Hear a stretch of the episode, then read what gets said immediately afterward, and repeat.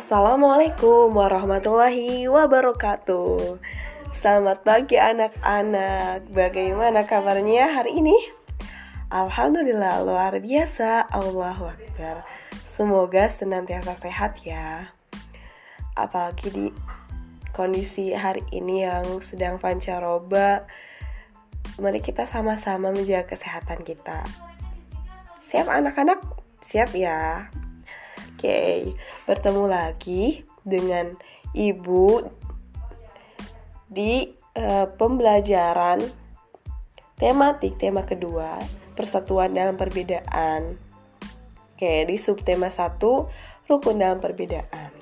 Hari ini kita akan belajar mengenai adaptasi tumbuhan. Baik, sebelum ke materi ini, Ibu mau nanya dulu dong ke anak-anak nih ada yang pernah melihat tanaman atau tumbuhan teratai? Hmm, ada ya. Kalau tumbuhan kaktus, ada yang pernah melihat belum? Ada juga ya. Oke. Nah, mau sebutin dong, apa aja sih uh, apa ya namanya wujud dari tumbuhan teratai itu? Ya betul sekali, daunnya lebar, tumbuhnya di air. Nah, sedangkan kaktus seperti apa?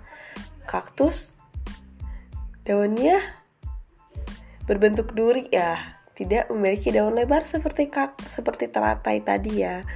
Betul ya anak-anak. Nah, tahukah anak-anak gitu yang membedakan teratai dan kaktus itu adalah apa? Adalah tempat hidupnya yang membuat mereka harus beradaptasi. Nah, apa yang terjadi pada teratai dan kaktus itu merupakan kemampuan dari kaktus dan teratai itu sendiri dalam beradaptasi. Jadi, adaptasi adalah kemampuan makhluk hidup untuk menyesuaikan diri terhadap lingkungannya. Ya, seperti yang kita ketahui, teratai itu tumbuhnya di air. Kemudian kaktus tumbuhnya di apa? Tempat yang jarang air ya, di gurun pasir. Itu ya. Di savana. Seperti itu. Yang di mana kaktus ini kan jarang ya bertemu dengan air. Artinya dia harus jarang menggunakan air, harus menghemat air ya kaktus anak-anak. Sehingga apa? Dia mengecilkan daunnya gitu dengan bentuk duri-duri. Kemudian apalagi? Kemudian kaktus menyimpan cadangan airnya di dalam tubuhnya.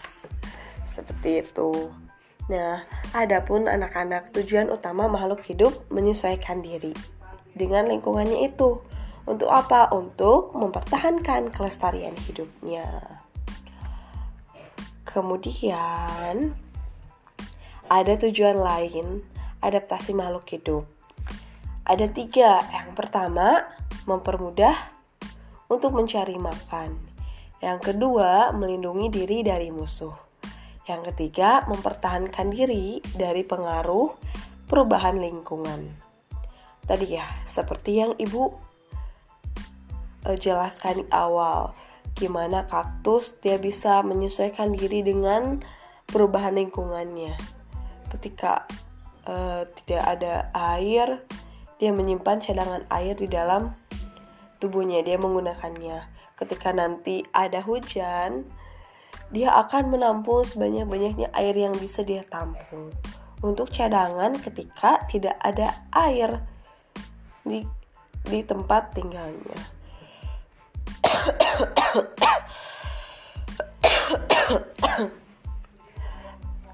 Oke.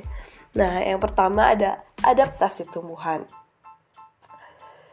Yang pertama ini ada tumbuhan teratai. Yang tadi ya. Gimana sih adaptasinya teratai?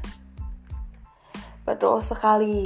Yang pertama, teratai memiliki tangkai daun yang berongga yang berfungsi untuk menyalurkan udara ke bagian akar. Kemudian, Batang berongga ini juga membuat tanaman teratai mudah mengapung di atas air. Selanjutnya ada daun tanaman teratai yang berukuran lebar dan tipis. Ayo, anak-anak ada yang tahu nggak? Kenapa sih tumbuhan teratai ini daunnya berukuran lebar dan tipis? Hmm, tujuannya adalah untuk mempercepat penguapan karena tumbuhan ini tinggal di dalam air. Tuh. Kemudian ada tumbuhan kedua yaitu jati. Nah, tanaman jati akan menggugurkan daunnya pada musim kemarau untuk mengurangi terjadinya penguapan. Nah, hal ini dilakukan karena sumber air pada musim kemarau sangatlah sedikit, sehingga tanaman ini harus menghemat persediaan air yang ada di dalam tubuhnya. Itu dengan cara apa tadi? Dengan cara menggugurkan daunnya. Iya, betul sekali. Yang ketiga ada bakau. Nah, gimana anak-anak caranya bakau beradaptasi?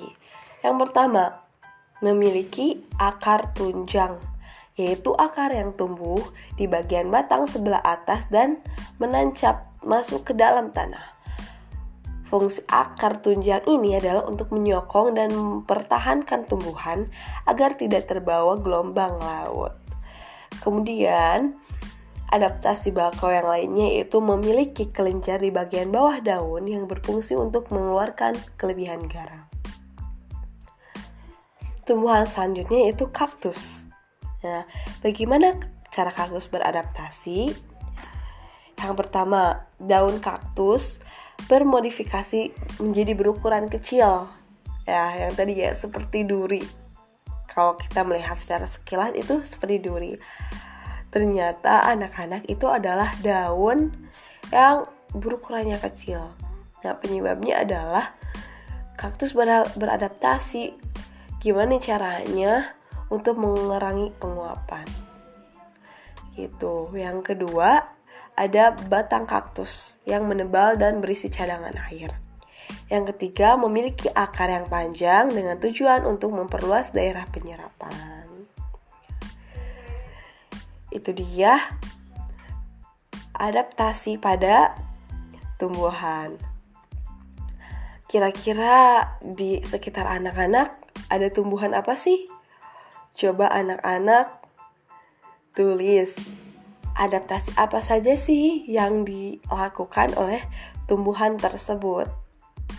Oke, ibu tunggu di minggu depan ya cerita anak-anak mengenai tumbuhannya dan bagaimana cara mereka beradaptasi. Selamat bertemu minggu depan ya. Assalamualaikum warahmatullahi wabarakatuh.